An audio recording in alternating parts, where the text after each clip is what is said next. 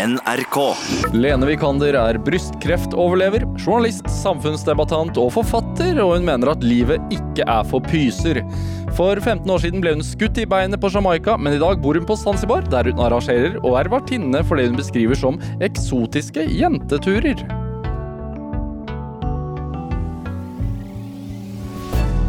Dette er Drivkraft med Vegard Larsen i NRK P2. Lene Vikander, velkommen til Drivkraft. Takk, så hyggelig at jeg fikk komme hit. Ja, veldig hyggelig å ha deg her. Hvordan, hvordan har du det?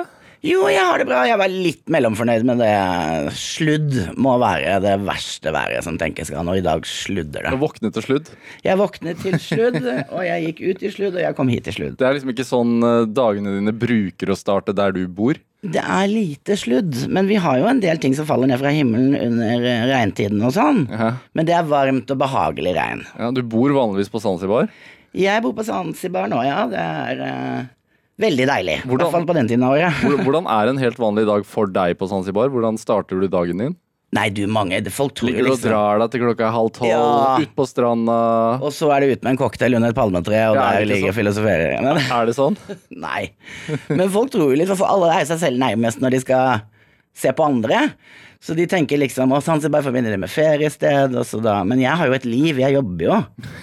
Eh, så dessverre blir det veldig lite under det palmetreet med den cocktailen. Det er min ambisjon nå, når jeg drar tilbake nå, at jeg skal legge inn mer av det. Ja, jeg, for, for jeg forsto det sånn at du på, på tirsdag skal på din første ferie på 30 år, eller noe sånt. Ja, faktisk. Seriøst. Det, det er sånn når en som bor, bor på Zanzibar og ha, har uh, vært på Jamaica og i lang tid og sånne ting, sier det nå er- kommer endelig ferien. Så, Ja, ja. endelig. Men uh, jeg har jo litt ferie hver dag. Ja. Og, og bare det å bo der jeg bor altså, Når jeg sier at jeg jobber, jeg jobber jo hjemme. Jeg er jo frilanser, jeg har hjemmekontor.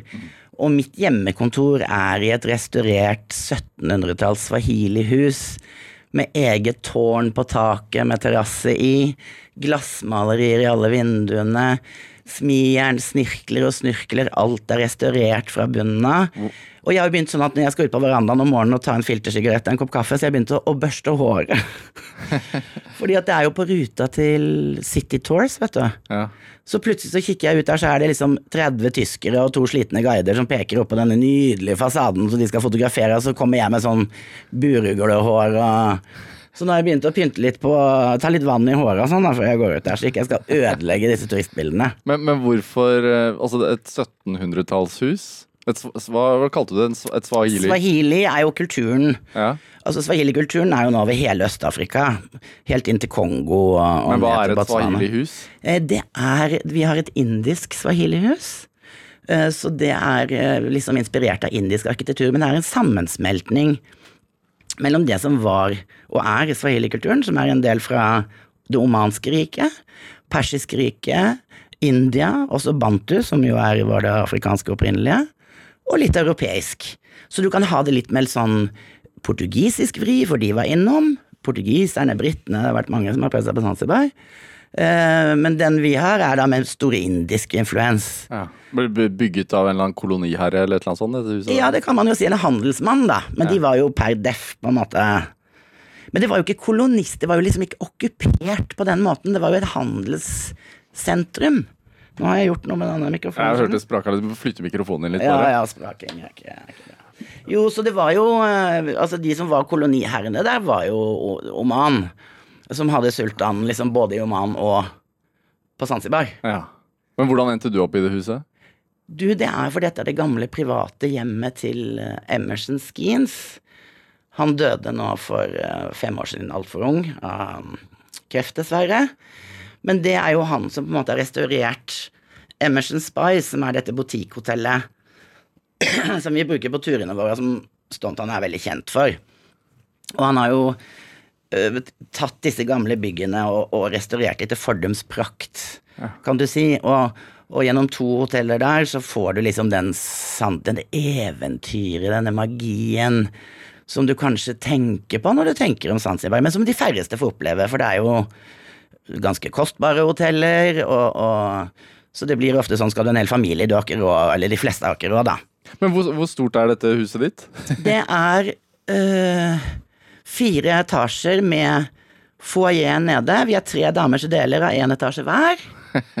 Og så har vi stor takterrasse og dette tårnet på taket. Vi kaller det Tea House. Eh, og der sitter vi da, og så ser du det er Sundowner, det er en sånn cocktail ved solnedgang. Og så går solen nedover Stone Town. Hele byen står jo på Unescos verdensarvsliste. Og det er en kakafoni av minareter, av hindutempler, av kirkeklokker, av sånne jain-templer, zoroaster-templer. For sultanen hadde en sånn regel at skulle de bygge en ny moské, skulle de også bygge gudshus. Ja. Til jøder, til hinduer, til alle de andre som var, da. Men, men jeg lurer på hvordan eh, ender en dame fra, som opprinnelig er fra Bergen, opp i å bo i dette huset? Altså Du sa at det er opprinnelig så det er et arv, eller hva, hva er det for noe? Eh, Altså, som, som alt godt her i livet, så skjedde alt veldig tilfeldig. Ja. Og jeg kom på Zanzibar på jobb første gang, og helt tilfeldig ble introdusert for Emerson Skeens, da. Som er hvem? Som er han som da jeg bor i sitt gamle private hjem til, men som også bygde Emerson Spice, som er det butikkhotellet som vi bruker nå, som jeg alltid har hatt et veldig nært forhold til. Jeg elsker det. Det er 1001 natthotell, himmelsenger, glassmalerier. Det er magisk å bo der. Og, og, og elska Zanzibar umiddelbart. Du, du var på jobb og elsket Zanzibar? Ja. ja. Så når jeg har hatt jobber i Afrika ellers, så har jeg liksom gjort det til min sånn Prøvd å få til da, på egen regning og alltid legge turen innom Zanzibar på vei hjem. På egen regning, liksom, bare for å få noen dager der. ja. Så det har alltid vært mitt lille sånn Hvorfor, det, hvorfor har du likt Zanzibar så godt? Det er noe med magien. Fordi at naturen er helt ekstrem. ikke sant? Den er så vakker at du tror jo ikke dine egne øyne. For det er jo sånn klisjé-postkort. eh, Ikke sant? En palme og en øde øy og vi- kritthvit strand og asurblått hav og nesten ikke folk og Altså, det er helt magisk. Og så elsker jeg også dette her eh, Stonetown med alle de lukkede rommene som åpner seg, disse her eh, portrommene. Store dører du kan titte inn. Og så den svusj-svusj av disse kaftanene som damene går i. Det er en sånn blanding av drømmen liksom om eventyret, og at det er en veldig imøtekommende kultur. Du, du, du blir liksom kjent med folk. De er et handelsfolk. Men, men denne, denne Emerson, Ja. eh, hvordan traff du han, da? Du, jeg ble invitert, for vi var og intervjua et norsk ektepar, for Tara faktisk, som jeg jobber, jobber i, eh, kvinnemagasin. Og de skulle vise oss liksom sitt Zanzibar, for de bodde der, men ute på Jambiani. Så sier å nei, men nå er det en prøvemiddag nede i foajeen til eh, Emerson, vi må dra dit. Ja, ja, ja, sier jeg. Og hadde hørt masse om denne mannen. Han var liksom sånn, hvem er kongen av Og det var nesten sånn hviskende ærefrykt over denne Kon kongen av Zanzibar? ja, ja, men han var jo ikke det på noen måte. Men liksom i de kretsene. Han har gjort veldig mye for Zanzibar. Ja. Altså, det var han som starta Sotisa Boshara, som er en av Afrikas største musikkfestivaler, som fortsatt going. Takk. Eh, Du, alt, ja, det er veldig bra at du forklarer. Ja, det er uh, veldig flott, berømt musikkfestival. ja, Men her i Europa så er vi jo ikke så flinke til å følge med utenfor vår egen andedam. absolutt. Eh, Men han lagde, bygde også opp Dow Music Academy, som er et stor musikkakademi som utdanner musikere i alle varianter den dag i dag. Og filmfestival. Han var en, en Pådriver. Ja, veldig. Ja. Lagde kvinnebedrifter, masse, hadde finger med i alt mulig. Så han var veldig Hadde- elsket. Hadde en drivkraft. Han hadde drivkraft. Og det var drømmen. Han var en fantast på mange måter. En veldig sånn personlighet. Du møter noen gang folk i livet som du bare med umiddelbart skjønner er noe ekstra. Og det var han. Hatten alltid på snei.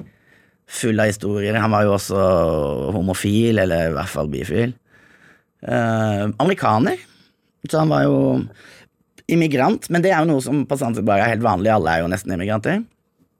Og, men så var det denne middagen, da, for da var ikke hotellet helt ferdig restaurert. Så det som vi kaller tea house, som alltid er på taket For Zanzibar er veldig varmt, så disse gamle handelsmennene og sultanene og sånn, da har du alltid et tea house, for der, der er det alltid litt bris. Ja. Så du går opp der og nyter måltider og drikker din te og sånn. Med åpninger rundt, da. Helt åpent, Ja. bare et lite tak på liksom stolper. Ja. Og fantastisk utsikt, da, selvfølgelig. Og, øh, men da var ikke det ferdig. Det var fortsatt sånne planker og Så da, og han hadde veldig ambisjoner på restaurantens vegne, som nå er jo blitt helt fantastisk. Men da var han helt i starten. Så vi skulle ha sånn prøvemiddag hvor de testa ut meny og fargesammensetning på tallerkener og alt mulig. Så vi hadde en åtteretters soaré. Og da var du der bare som journalist, sant? Så, altså, som tilfeldig poppet inn på denne middagen. Helt tilfeldig. Ja. Men så fant jo jeg og han veldig tonen, da. Vi likte hverandre. Eh, Så da ble det jo veldig gøy å komme til, ekstra gøy å da komme tilbake til Zanzibar og treffe han litt. Og, og jeg har jo bodd på Emerson som gjest. Hvorfor likte han deg, tror du? Jeg tror eh, det er litt sånn at uh, to gærninger møtes. Men det med Vi hadde jo en del felles referanserammer med skeivt miljø, det å være litt sånn på sida. Det å ha vært litt sånn eh, nomade i egne liv, reist veldig mye. Eh, alltid på farten, alltid på søken, alltid med en sånn eh, ønske om å noe mer, noe nytt, å skape noe. Han var jo mye mer en skaper.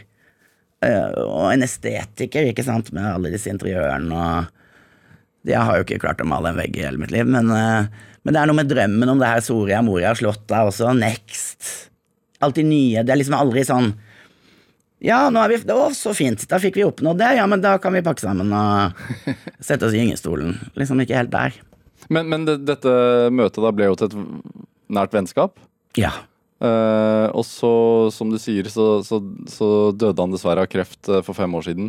Og, men hvordan endte du opp med å altså, Har du tatt over hotellet, eller hva er det som har skjedd? Nei, nei, oh gud, I wish. Ja, Det må jeg vinne i Lotto pluss først. ja. Nei, nei, nei, nei, nei. Alt er tilfeldig. Jeg var på, i Tanzania for å gjøre en reportasje på en norsk dame som har et safarifirma og hotell utafor Dar es Salaam.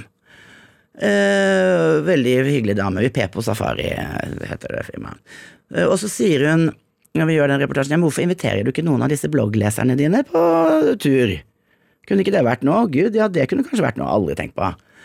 Og så gjorde vi det som et eksperiment, og det ble jo supervellykka. Men det er litt sånn at ting bare skjer uten at du henger litt etter ditt eget liv, på en måte.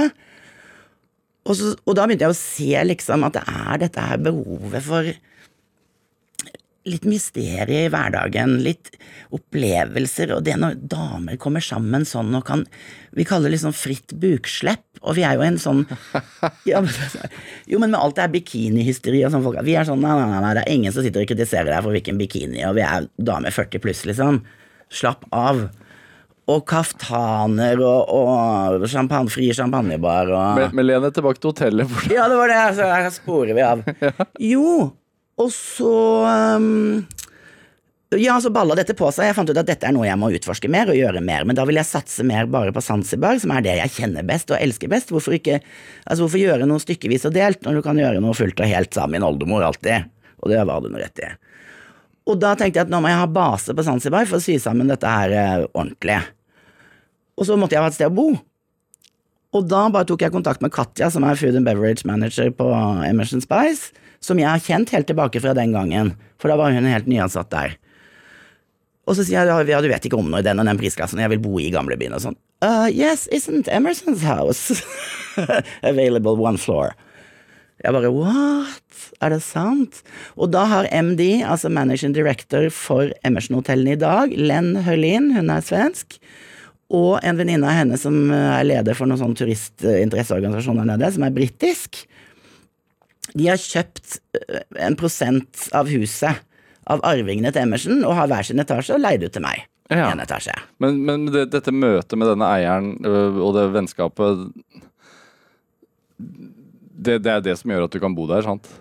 Ja, ja, ja, jeg hadde jo ikke visst om eller kjent disse damene, Nei, nei, eller nei. altså, Det hadde jo aldri vært i livet mitt i det hele tatt. Men er det litt sånn i, i, i ditt liv at tilfeldige møter på mange måter har skapt nye retninger og forandret livet ditt flere ganger? Utelukkende. Ja. Jeg har ikke hatt én plan som har virka noen gang, tror jeg. altså, jeg bare Dette er Drivkraft med Vegard Larsen i NRK P2. Og i dag så har vi journalist og forfatter Lene Vikander her hos meg. Eh, vi har pratet om, eh, litt om livet ditt på Zanzibar, eh, og om eh, hotellet Emerson.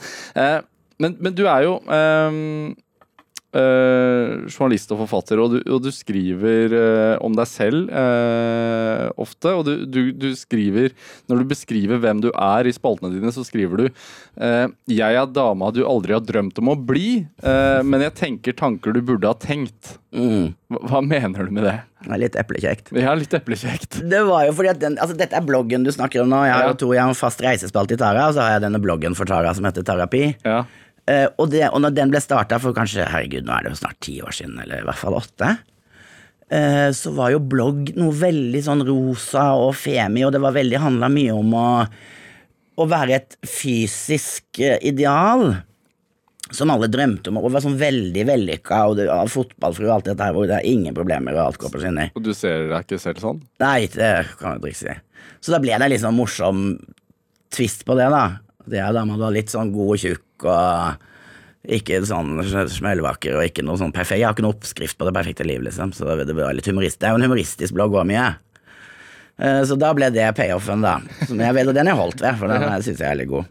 Men, men du er jo, selv om det er en humoristisk blogg også, så du, du har jo sterke meninger, da. Altså Det siste jeg leste av deg, eh, for du skriver jo ofte debattinnlegg, kronikker, sånne ting, og det siste jeg leste av deg eh, i Norske debattspalter, var et innlegg på NRK Ytring, eh, der du skrev om likestilling og det du kaller sutrete menn. Mm. Eh, og, og du er engasjert, og jeg tenker sånn Kan du lese noe og bli rasende og få et behov for å svare?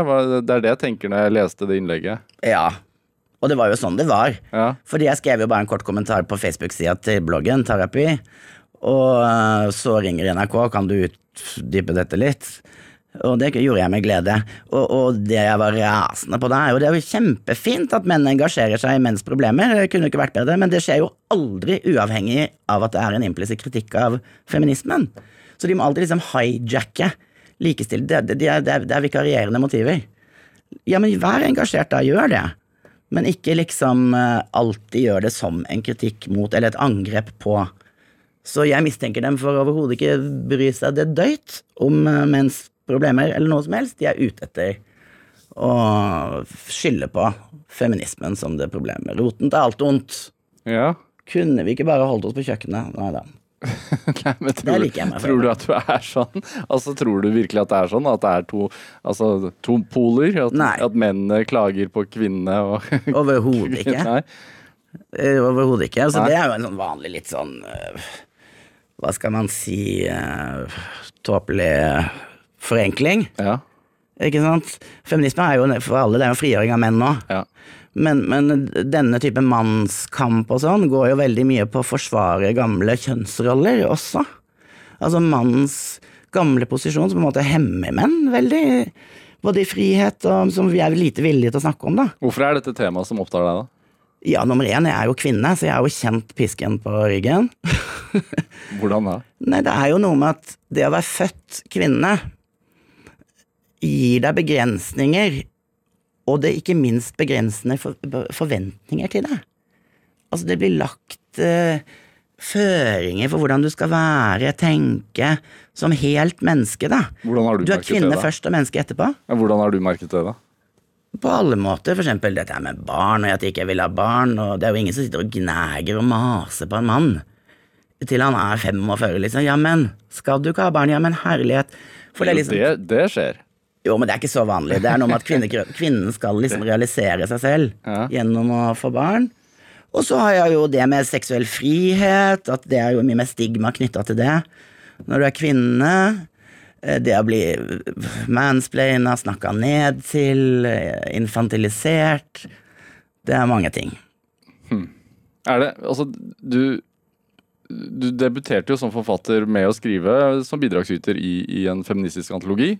Eh, matriark uh, Nesten sanne historier om Ja. å være kvinne i 99 kom den. Og den, det var jo en bok som uh, Som egentlig var små historier om det å være kvinne. Mm. Var det, altså, hvorfor var det et behov for det den gangen, i 99? Altså jeg tenker jo Sex og singelliv, da, som, som jo har blitt sett på som en sånn kvinnefrigjørende serie på mange vis. ja, utrolig Eh, nok. eh, Kom jo i 98, og denne boka kom i 99 og handlet om kvinnens, altså den moderne kvinnens historie, små historier i hverdagen. Den kom jo på, på i, i stimen, holdt jeg på å si, nær sagt, av Fittsteam Ja. i Sverige. Ja. Så det var jo en sånn eh, Jeg ser disse eh, mannsaktivistene kaller det second wave feminism. Ja. Det var når det virkelig begynte å gå gærent.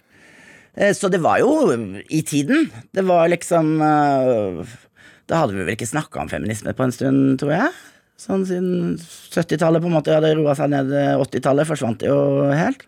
Og dette her var i 99. Ja. Så det var jo det, og så var det litt sånn Gucci-feminist, og det sprika litt i alle retninger. Så det var litt sånn famlende oppstart på en ny For vi skjønte at ikke kampen var på en måte vunnet, eller vi var i mål eh, på noe vis, da. Ja. Og så var det jo veldig forskjellige stemmer i den boka, så vidt jeg husker. Dette er jo dritlenge siden, men eh, jeg husker i hvert fall at punchline i min øh, sånt essay var jeg en kvinne innestengt i en kvinnekropp, og veldig tilfreds med det. Og det var jo litt det vi snakka om i sted. ja, ja. Men tenker du at behovet fremdeles er der? Ja, er du gal? Ja. Hvorfor det?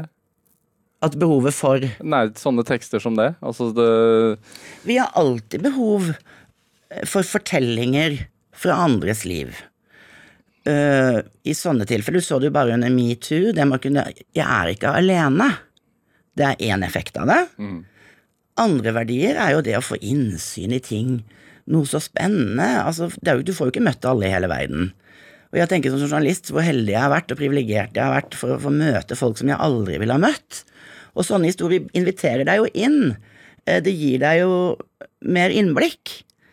Eh, og alle har en historie, ikke bare én, men flere.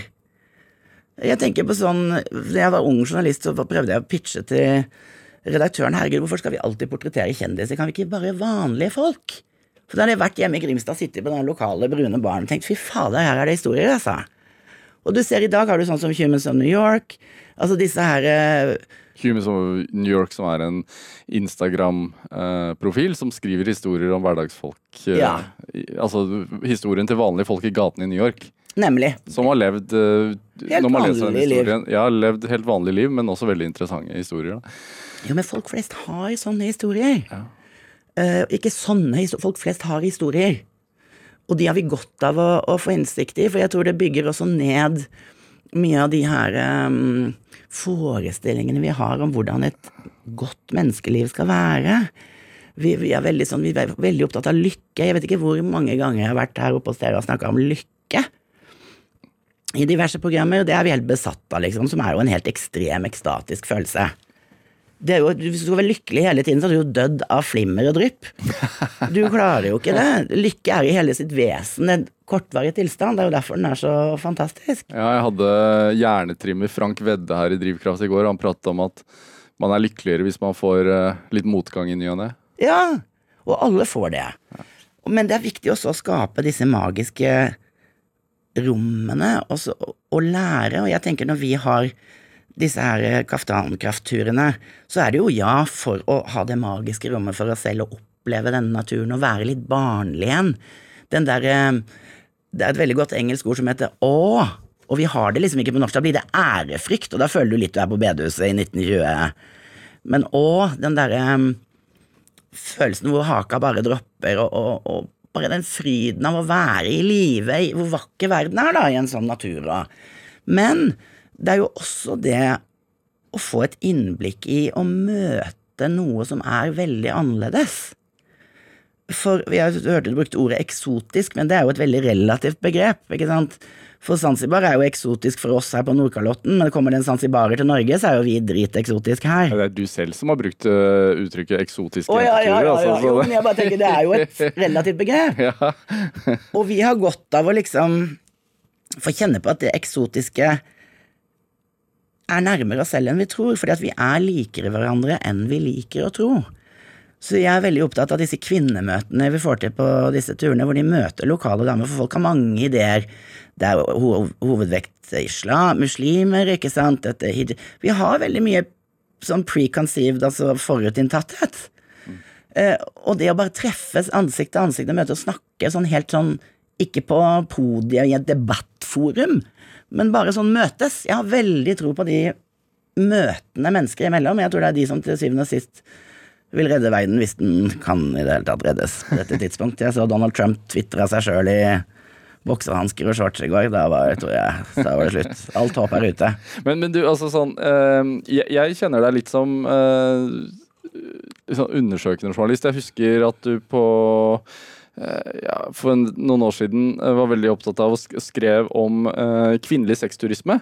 Mm. En, en eh, artikkelserie om det, om, om et slags sånn moderne slaveri eh, som hadde fått ekstremt lite oppmerksomhet den gang. Eh, og, og du beskrev kvinner som reiste til Kenya og kjøpte sex. Mm. Hvorfor var det viktig for deg å skrive om? Igjen, for jeg er engasjert i dette med feminisme og kjønn. Ja. Og, og, og det er jo sånn at eh, fordi at vi har et sånt syn på kvinnelig seksualitet som noe skal beskyttes, og noe som alltid er forbundet med følelser og, og sånn, så snakker vi liksom ikke om det. Vi er til, det er til og med så gærent at vi har hatt folk som har stått på TV i Norge og, og kalt kvinner, altså, som har vært sexturister, horekunder, som har vært ofre. Ja. For da er de liksom lurt. Det er jo ingen som vil si til en fyr som drar til Pattaya og kjøper ordet og han betaler litt for mye, at han var et offer.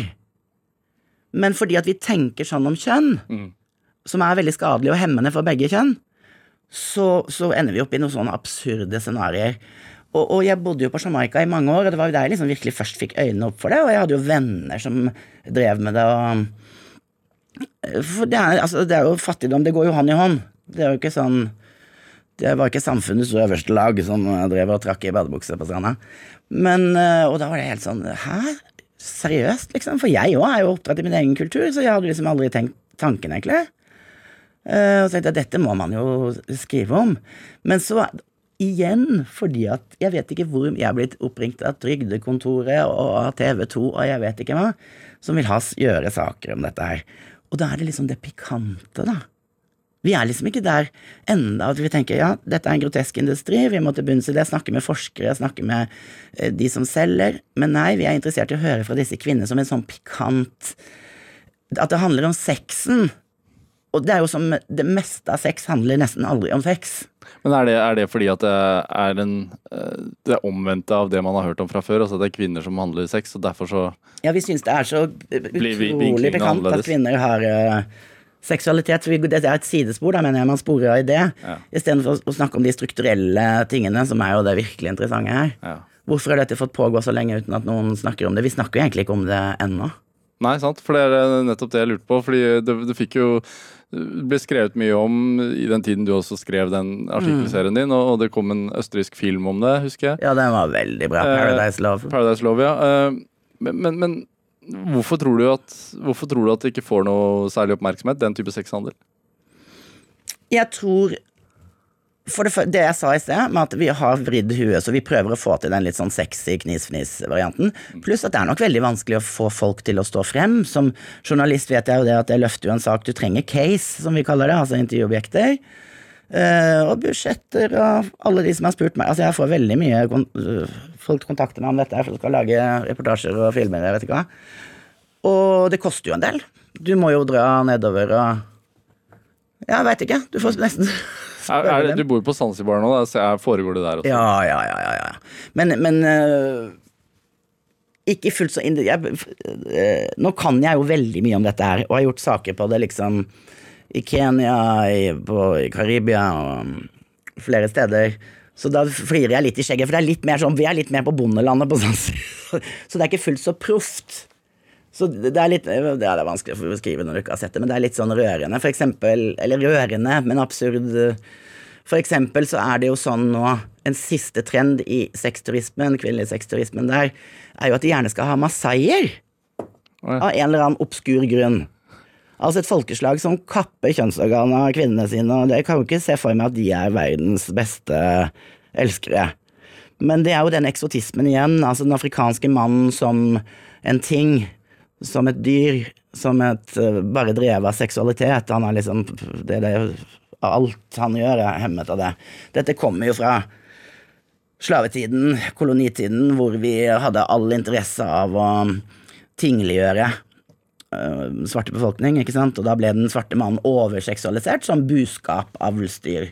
Dette sitter igjen som slag i kulturen. Og dette her er jo, eh, så vidt jeg forstår, et tema som, har tatt, eh, som, som opptar deg. Fordi du, eh, du, du flyttet jo til eh, Jamaica, som, som du har vært inne på, at du har bodd der. eh, og eh, for å skrive en roman som, som het Salt, som, som Uh, som jo handlet om det, altså På Jamaica så er jo store deler av befolkningen opprinnelig afrikanere. Eh, slavehandel der også. Så det, så det er et tema som har opptatt deg of lenge. The Dispossessed. Ja, det er det, for det er uh, det, det går jo inn i kjernen av det å være menneske. Altså, Rødt, hvem er du? Når blir du deg? Når er du norsk? Så snakker vi bare om det i forhold til språk og Kvikk Lunsj. Men når ble du norsk? Hvor gammel er du da? Når har kulturen satt seg? Ikke sant? Når kan du bare snu? Når blir du multi? Når, ikke sant? Det er jo veldig interessant. Og det, og hvilken maktkraft som påvirker deg utenfra, med hvordan du ser deg selv, hvilken selvfølelse du har. Det å være en koloni. Du er jo okkupert. Ikke sant? Vi har jo drama Jeg vet ikke, fem år var tyskerne i Norge maksimum. Og det er jo fortsatt eh, en av våre største samtaler. 400 år var de jævlene koloniherrer eh, i Karibia og Afrika. Det er lenge. Det er lenge. Og så er folk sånn nå Kan de ikke bare glemme det, da? Nå er det jo så lenge siden. Nei, det er ikke sånn kultur fungerer. For det er prenta inn, ikke sant. Det lager Som all undertrykkelse, så internaliseres den. Sånn at den opprettholdes jo av de undertrykte. Altså, det er ikke veldig enkle mekanismer sånn 'Nå er dere fri, hai og hull', ikke sant. Nå er toppstemning, er vi er ferdig med det. Men, men du Stemmer det at det gikk rykter om at du var CIA-agent på, på Jamaica? Mm. Infama. Informer. Ja, det er det det heter. Infame. Ja. Men det høres ganske crazy ut for oss, men det er egentlig ikke så crazy. For det var jo veldig mye CIA-informanter, og folk forsvant på Jamaica under den kalde krigen, helt borte. Eh, og du vet når, når Bob Marley hadde denne berømmelige fredskonserten sin, som han ble overtalt til, hvor Edvard Siaga og han der andre fjøsnissen fra det andre partiet skulle shake hands og sånn, så brukte jo Edvard Siaga, som da ble ny leder av Jamaica, disse konteinerne til Bob Marley med musikken til å smugle inn våpen, som var betalt av CIA. For du må huske at Jamaicas geopolitiske posisjon, det ligger jo kliss inntil Cuba. Så da var jo CIA dritredde for at den der cubanske revolusjonen skulle spre seg. Så de hadde jo all interesse av å støtte opp om en side i den jamaicanske politikken. Ja, Så det er jo egentlig CIA som har skapt det hypervoldelige samfunnet som er Jamaica i dag. ja. Men du ble skutt. Jeg ble skutt, ja. Hvordan var det? Ja, det var ikke noe politisk, tror jeg, men det var jo ikke noe gøy. det var eh, veldig skremmende. Men jeg ble skutt i beinet, men jeg bodde liksom nede i gettoen, så jeg måtte opp på gata for å få bil, for politiet kjørte ikke ned der engang. Hva var det som, hva var det som skjedde da? De skulle rane meg. Det var jo en sammensurium av at jeg bodde rett ved en sånn flystripe som de brukte kokaintrafikken. Går jo gjennom Jamaica. Det er også en sånn stor bensin for disse gjengene og denne volden. Eh, så noen av de der crack-gutta der hadde fått det for seg en sånn kombinasjon at de skulle rane meg, og at jeg var informer. Og at jeg hadde, fordi at jeg hadde internett, det var ikke, er ikke vanlig. Så jeg måtte strekke en kabel, så hele nabolaget fikk jo med seg liksom, at jeg måtte ha internett der. Eh, Og da var jeg litt, det var helt åpenbart, for jeg hadde jo sagt at jeg var journalist. Og det var synonym informer. Så det var en veldig sånn bygdedyret på steroider med maskingevær. Men altså, du var 35 år og aleine på Jamaica og ble skutt i beinet. Hvordan, opp, altså, hvordan tok du det? Eh, med relativ fatning. Nei, jeg kommer jo til legen og sånn, men det er jo noe med at hvis du sitter på Grünerløkka og det mest ekstreme som skjer i din eh, umiddelbare nærhet er at kaffelatten velter, så blir det jo et voldsomt sjokk. Men når du lever i en kultur hvor det drepes mennesker seks om dagen i en befolkning på to millioner, hvor hypervold er helt, helt, helt dagligdags, så har du på en måte ikke det at du, det er helt ok på noe vis, du får jo sjokk og herregud, du er redd for å dø, og hva skjer nå, og alt det der. Men det er ikke det, for du har ett trinn opp, ikke sant, det er ikke helt uv, det kommer ikke som lyn fra klar himmel. Nei. Du vet at dette skjer hele tiden, og du vet også at din posisjon som både mm, immigrant og hvit og journalist og alt dette her, er en utsatt, og du vet hvordan de sladrer og Men ble du boende da, eller reiste du hjem? Nei, jeg ble boende, men ikke der. Jeg flytta fra Snow Hill Ja. Til eh, Ja, på andre siden av byen. Du, du var der for å skrive en roman. Eh, jeg, jeg vet at du har med en eh, låt til oss av Bob Marley som heter 'Natural Mystic', som, som er fra Jamaica. Ja, Hva, hvorfor, hvorfor den låten? fordi at åh, jeg, er jo, hater jo egentlig Bob Marley-sanger. Altså nå både i hele, På Jamaica og hele diasforaen, altså Afrika og dette rasta-tullet og Jeg ler meg jo i hjel av disse rastaene nede på Zanzibar, de skjønner jo ingenting. For det er jo en veldig seriøs og ganske hatefull religion, egentlig. Men Og det derre No Woman No Cry, jeg orker ikke. Men Natural Mystic, for alle ber meg da ofte om å Å, men er det ikke en Bob Marley-sang du liker, da? Og den syns jeg er helt fantastisk. Den ble spilt i begravelsen hans. Eh, og den skrev han han var i Blue Mountains, og jeg bodde ved foten av Blue Mountains i Port Antonio. Og der oppe er det kaffefarmen. Vi har jo Blue Mountain Coffee, som er en av verdens mest eksklusive kaffe. Fantastisk kaffe.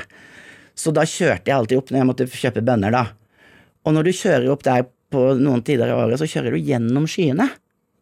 Og så blir jo skyene tynnere og tynnere, og så er det sånn dis, og så er det helt sånn tropiske fjell, grønnkledde fjell, med kaffefarmer i skråningen og med den der på full guffe, og da ser du liksom Og teksten går jo sånn It's a natural mystic blowing through the air. Det er jo en veldig religiøs sang også, Ja. men da er det den feelingen å kjøre gjennom skyene oppe i Blue Mountains med den der tunge bassen. Og du vet når du sitter i bil på Jamaica, så er det ikke en liten sånn Bose i høyttaler foran. Da er det et helt eh, sånn der rack bak i bagasjerommet. Hele bagasjerommet er høyttalere. Jeg syns du skal høre på Bob Marley og 'Natural Mystic'.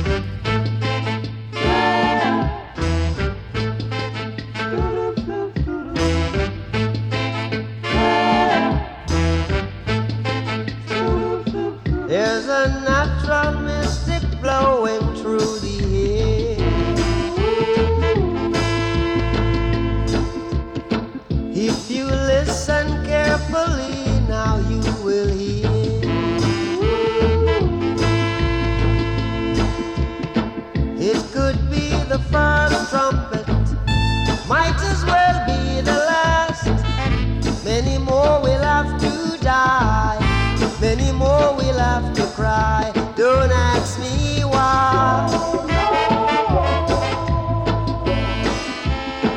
I say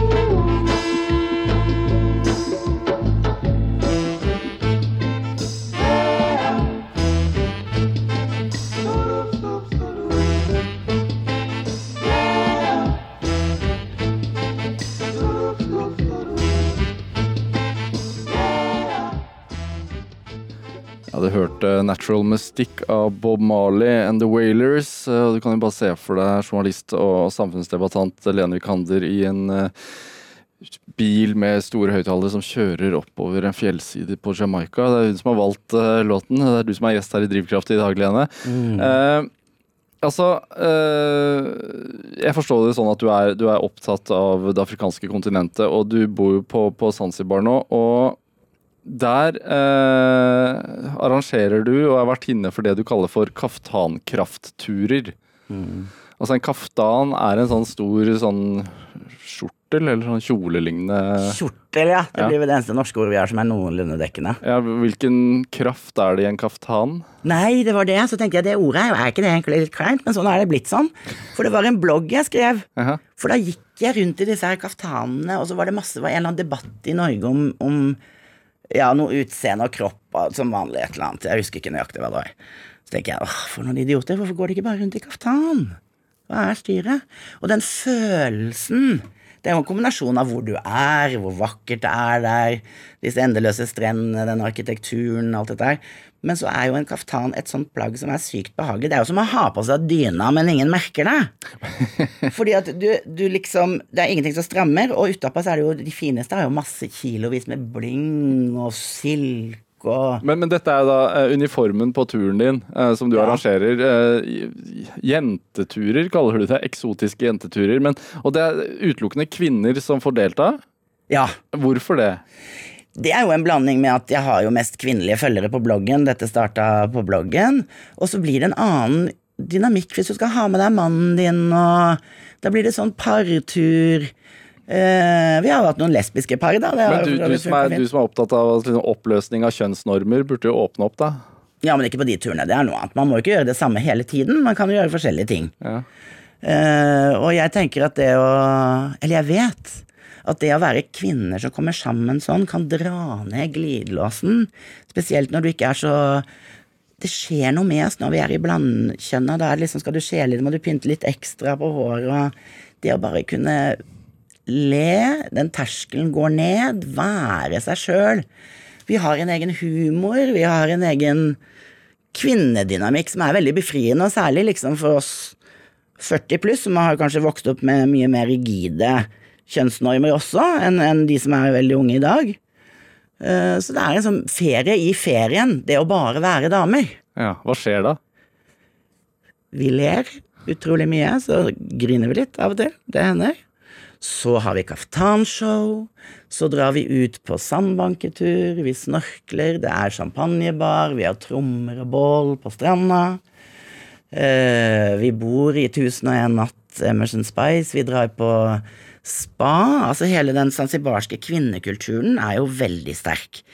Det er jo et kjønnssegregert kultur hvor menn og kvinner er veldig separat. Altså de har separate rom. Men, men når de er i de separate rommene, så er det ingen regler. Ja. Ikke sant? Så når kvinner er sammen med kvinner, da er det så det er jo som en norsk feminist rødmer fra lilletåa opp når de drar i gang med liksom De utdanner sine døtre hvordan gi og få orgasme og sånn, ikke sant? Eh, og, og dette med og, og dufter og sånn er et eget språk i swahili-kulturen. Så de er med på sånn spam. Rembo betyr liksom ja, diva, kan vi vel oversette det til. En, en kvinne som er veldig vakker på utsiden og innsiden.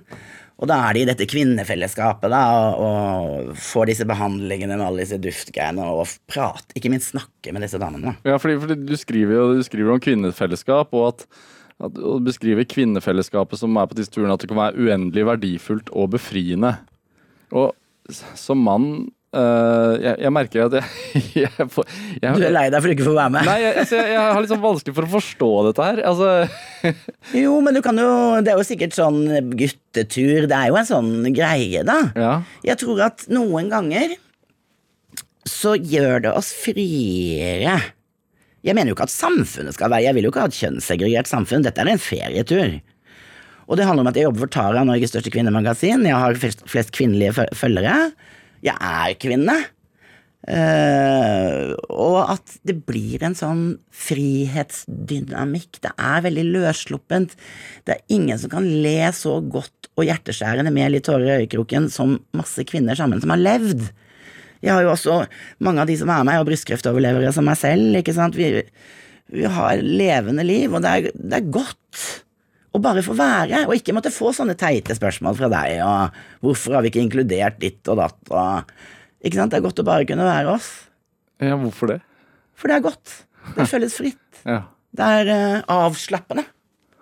Det er uh, lavterskel, det er uh, glidelåsen ned, du trenger ikke å ta deg ut. Altså En kvinnes viktigste oppgave er å ta seg ut og ta seg av, var det en klok dame som sa en gang. Men tar ikke kvinnene seg ofte ut for andre kvinner? Ikke på disse turene her, skal jeg love deg. Det er i kaftan, da, i så tilfelle, med ti meter slep og bling. Men hva, hva er det som er målet, da, altså med, med turen? Altså, er det en, to uker eller en uke uten, uten møte med menn i det hele tatt? Nei, gud, vi har noen fabulous menn. Eh, nei, målet med turen er eh, på en måte todelt. Det er jo det at det er en ferie. Folk skal på ferie. De skal ikke på seminar og debattere. Og så er det å, oppleve denne magien. Altså Dette må være sånn som jeg sa i sted òg, dette være sånn et vakkert sted. Og få det litt barnlig som vi hadde som barn. Nå er vi blitt litt sånn i en viss alder kyniske, og ja, jeg har sett been there, done that, men å få åpna den slusen i hjernen hvor ting er sånn wow. Og så er det dette med også Jeg pleier å si til dem at den beste suveniren du kan ta med deg hjem, er kunnskap. Altså disse møtene med andre.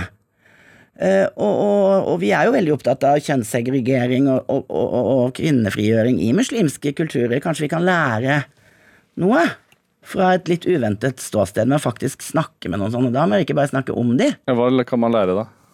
Du kan jo lære hvordan de tenker, hva de syns. Ja, men Hva, hva tenker du at man bør, bør, lære?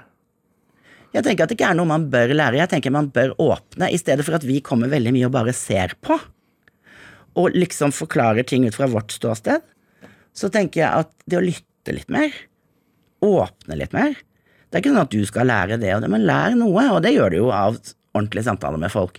Å være et sted og oppleve en kultur. Dette er utrolig verdifulle ting å ta med seg hjem, fordi at det, det åpner hodet ditt, og det lager samtalene du har med andre, litt annerledes. Det krydrer litt fra krydderøya. Hva, hva, jeg bare lurer på sånn, Når det er når det bare er kvinner da på disse turene, hva, hva prates det om som bare kan prates om i rom med kvinner? Dette er et sånt spørsmål fra sånn der uh, i kjellerstua til sånn 15-åring i kjellerstua til mor. Kvinnefelles. Vi tar av oss det vi gjør. Vi, vi har sånn wet T-shirt-konkurranser. Nei, jeg, nei jeg, bare, jeg lurer helt seriøst, jeg, siden det er Du, vi snakker om absolutt alt. Ja. Jeg bare tenker det er litt sånn trist at man må reise på en ren kvinnetur for å få muligheten til å faktisk kunne gjøre det. Men hvorfor er det trist? Hvorfor må menn være med på absolutt alt? Nei, nei, ikke, ikke at menn må være med, men at man ikke kan gjøre det eh, i det daglige, da, tenker jeg. Man kan sikkert, men du, det er en annen dynamikk når du skal ha med partneren. De fleste kvinner er heterofile og har en mannlig partner, og da blir jo de liksom veldig tosomme. Noe av vårt prosjekt er jo at det her reiser det damer som reiser alene, altså som ikke kjenner ja. noen av de andre. Men alle må liksom dele rom. Så du får jo nye venninner, og i, i, i, vår alder, liksom 40 pluss, så er det ikke så lett å få nye venninner, egentlig. Og det er en veldig verdi. Eh, så det oppstår jo en sånn dynamikk der, og at folk blir kjent med nye folk eh, som de aldri ville møtt utenom dette. Så vi har jo folk som har blitt sånn venner for livet, og nå drar på andre ferieturer og arrangerer middager og hytteturer, jeg vet ikke hva. Har, har du fått venninner på turen? Er du gæren? Selvfølgelig. Hvordan har det vært viktig for deg, da? Altså, Det som har vært veldig verdifullt for meg, er igjen det der med å se og treffe folk som jeg ikke ville ha truffet. Og så er det jo alltid sånn at folk er forskjellige, så noen blir du jo mye mer knytta til enn andre, og sånn er det jo med alt her i livet. Det er jo ikke sånn at alle må bli bestevenninner, ellers er det mislykka. Noen finner tonen, og andre ikke så mye. Eh, men det har vært en glede for meg å se den livsgleden og de båndene som knyttes. Altså, det er jo en fest å kunne være en som tilrettelegger sånne opplevelser. Ja. Det er jo veldig fint. Er det, altså, du, eh, du, har vært veldig åpen mot, og du sier jo selv også at du er brystkreftoverlever. og jeg tenker for du fikk den diagnosen i 2013. Det, har det vært et sånt uh, veiskille i livet ditt som har gjort at du har tenkt at ja, ja, nå eller aldri, liksom. Nå må, man, nå må jeg gønne på å nyte, nyte hver dag og, og være åpen for Mm. Nei, det vil jeg ikke si, men jeg vil si at det, det skarpstilte linsa enda mer. Jeg har liksom alltid vært veldig nå heter dette programmet Drivkraft, og hva er drivkraften eh, din? Jo, det er jo, for å si det rett ut, døden, egentlig. døden er drivkraften din? Ja, fordi at vi skal jo dø. Det er jo så kort, dette livet. Liksom Ungdommen tror det er en klisjé, men det er ikke en klisjé. Jo eldre du blir, jo mer tenker å shit, nå er det ikke lenge igjen, altså. Og jeg har alltid vært veldig opptatt av det, å leve. Altså få med meg livet. Og, og, noen gjør det på den måten, og andre gjør det på den. Men for meg har det vært sånn at herregud, vi bor på en hel planet. Jeg er nødt til å ha førstehåndskjennskap og kunnskap til mye av det jeg lurer på. Ikke sant? For én ting er å lese i bøker og høre på folk som har peiling og, og alt kunnskap og alt det der, men det er noe annet med den førstehåndserfaringen, ditt eget blikk. Så jeg har jo liksom vridd hele karrieren min til å reise utrolig mye gjennom jobb, da. Og nettopp å oppsøke, og de jeg kanskje er mest takknemlig for å ha møtt, er jo folk som jeg nesten hadde slått ned på NRK Ytring. altså, Ku Klux Klan har jeg gjort, det sitter jeg og skriver en spalt om nå, for eksempel. Disse her er om K som gassa T-banen i Altså sånn helt ekstremt, så du tenker jeg har ingenting til felles med deg. du er nesten et monster. Altså, ikke sant, Den tingliggjøringen av mennesker igjen. Og så kommer du hjem til Ku Klux Klan, og så åpner han der eh, Grand Visir eh, De har jo noen veldig merkelige titler som jeg ikke helt husker nå. I en sånn mintgrønn pologenser med lett innsvinget, fønet hår og nybakt pecan pie. Han jo, hadde jo ikke vært hetero et minutt i hele sitt liv, men Grand Visir Kyklop, eller hva han var, det var han av Ku Klan, da. Og så sitter du over i flere dager med de, og det som da, det sterkeste som slår meg For alt fikk du jo bekrefta, det der med white supremacy og bla, bla, det visste du jo. Men det som slo meg, var jo det der at vi hvor like vi er. Ikke sant? At han bodde hjemme hos mor, han drømte liksom av om kjærligheten han og så gikk det på tvers. Ikke sant? Vi har veldig mye felles, mer felles knyttepunkter enn vi har det som skiller oss. Men, men, men denne reiselysten din, også, fordi den har du jo hatt hele livet. Eh, Ja. Og den har tatt deg til mange steder i verden og møtt masse spesielle og interessante mennesker, og nå bor du på Zanzibar. Men, men hva Og da stiller jo A4-personen i meg liksom spørsmålet Men savner du ikke å ha en, liksom en fast base og et hjem? Ja, folk spør jo om det, for det er tydeligvis viktig for folk, men det Jeg har jo aldri tenkt sånn. For når jeg vokste opp så flytta jeg jo veldig mye. Min far var marinbiolog og forsker, og da var det med forskjellige forskningsprosjekter, og han var havforsker, da. Så liksom, jeg bodde født i Bergen, bodde der i fem år, så bodde vi i Danmark i tre år, så flytta vi til Bodø, bodde der i åtte år, og så flytta jeg til Grimstad, bodde i fem år, og så flytta jeg til Bergen igjen, og Ikke sant? Du, du er oppvokst med en slags rotløshet, da. Jo, men rotløshet, jeg vil jo ikke si det. Altså, hva er det å ha rot, da? Er det geografisk betinget? Er ikke det litt rart? Ja, det er vel å ha et sted som man føler er hjemme, da. Som er trygt. Ja, men det har jeg jo. Ja, Hvor er det, da? Jeg har jo Grimstad. Som alltid har vært en sånn gjennom... For min far var fra Grimstad. Og min farmor, eh, og min bestefar og den siden av beste, bestegjengen, eh, var jo alltid der. Så vi hadde alle mine barndom somre, og det var en sånn fast Men, men jeg, jeg, synes, jeg tror ikke geografi nødvendigvis har noe med rot eller mangel på geografisk tilknytning har noe med rotløshet å gjøre.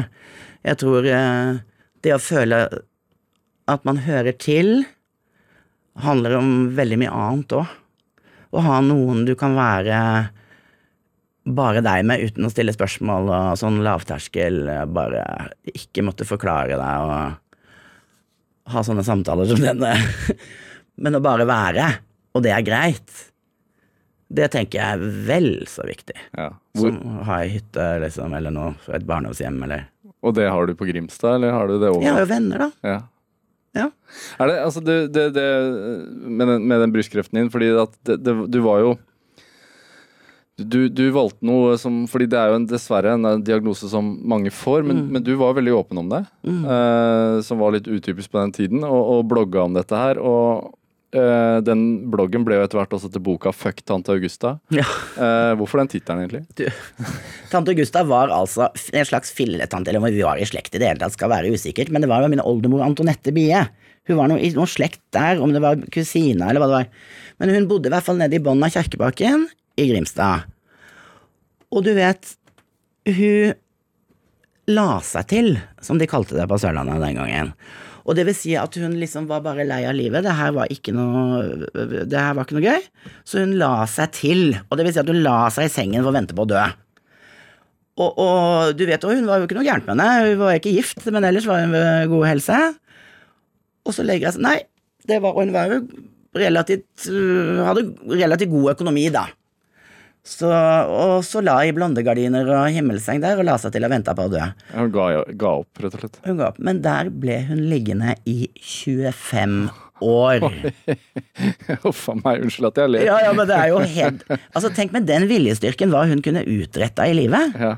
Men det er jo liksom De sier jo at sørlendinger er passiv-aggressive, men hun tok jo det til et helt nytt nivå.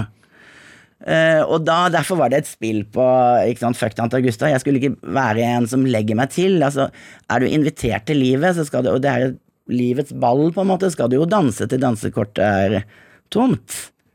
Så det var mer en sånn liten spark til den der 'Å, gud, nå er det over'. Nei, det ain't over until the fat lady sings. Ja, men du, du skriver jo altså det at virkeligheten som du opp, opplevde den gang, og, og selv om det, Du hadde jo øh, øh, Du nektet å innfinne deg med den eh, diagnosen du hadde, men du beskriver det altså at virkeligheten ikke var slik den ble forespeilet av legene dine. Um, Ja, jeg nekta jo ikke å innfinne meg med diagnosen. Nei, men, men, men, men, men, du nektet å, å liksom te, Ja, Du tenkte sånn 'jeg skal du- ikke dø'. Ja, at, Ja. Når jeg liksom Å, shit, kreft, ikke sant. Det er jo helt krise. Da skal jeg dø, og så er du over den kneika. Det tar faktisk bare 24 timer. For å helt ærlig. Ja. Og da skjønner du at jeg sa jeg skal ikke dø akkurat nå, kanskje senere, men det, blir ikke, det er ikke veldig akutt. Og så måtte, begynte jeg å google, og så tenkte jeg Én ting var nå for kreft, men det verste var jo måtte jeg bli en sånn rosa dame. Livet er herlig, dere. Og bare sånn eh, lykke og og tenkte jeg, herregud, det er jo det er en dødsdom. Er det sånn man må være når man har brystkreft? For det er jo sinnssykt rosa. Vi har adoptert veldig mye av det der amerikanske. Og jeg støtter jo rosa sløyfe, men må det liksom være så innmari rosa? og det var alt sånn tenk deg lykkelig og spis deg frisk og så jeg Dette var jo en skjebne verre enn døden. At én ting var å få kreft, men måtte jeg bli sånn, da var det ikke livet verdt å leve. Men det du lærte deg, var kanskje det at bare å leve livet enda, enda hardere, eller enda bedre. Ja, for da ble liksom det Altså som jeg alltid har vært, veldig bevisst min egen dødelighet. Min, min lillesøster tok livet av seg i veldig ung alder, og da det var det sjokket hvor dødeligheten kom inn i livet mitt, på en måte. At jeg skjønte at dette Å, shit, dette varer jo ikke. Eh, og det var, da var hun 18 og jeg 20, kanskje. Så veldig lenge siden, da jeg var ung. Så, så det fokuset har jeg liksom alltid hatt. Men når du da også får din egen dødelighet stappa ned i gapet, sånn som du gjør med en sånn kreftdiagnose, så blir det jo enda tydeligere, ikke sant. Men det var jo ikke noe sånn aha da. Jeg hadde den aha-opplevelsen da jeg var 20, liksom. Ja. Er det også noe du ønsker å gi til damene på turen din? Sånn, lev livet? Ja, også egentlig, for jeg har reist masse, og jeg vet jeg er klin gæren, og jeg har vært i krigen, og jeg drar inn i alt veldig for, Folk erter meg litt for det at jeg er helt sånn eh, hodeløs. Men, men, men det eventyret Så tenker jeg jeg kan lage det i en litt strigla form. Sånn, du må ikke inn i en krigssone for å kjenne, kjenne den følelsen. Så det å skape det eventyret og den opplevelsen, og samtidig dele litt kunnskap Det er ikke noe kurs i afrikansk kultur, men det er møter. Det var det, Lene Vikander. Det var det vi rakk på denne timen. Tusen takk for at du kom hit til Drivkraft. Takk. Vi er tilbake igjen i morgen, og jeg heter Vegard Larsen, og dette var Drivkraft.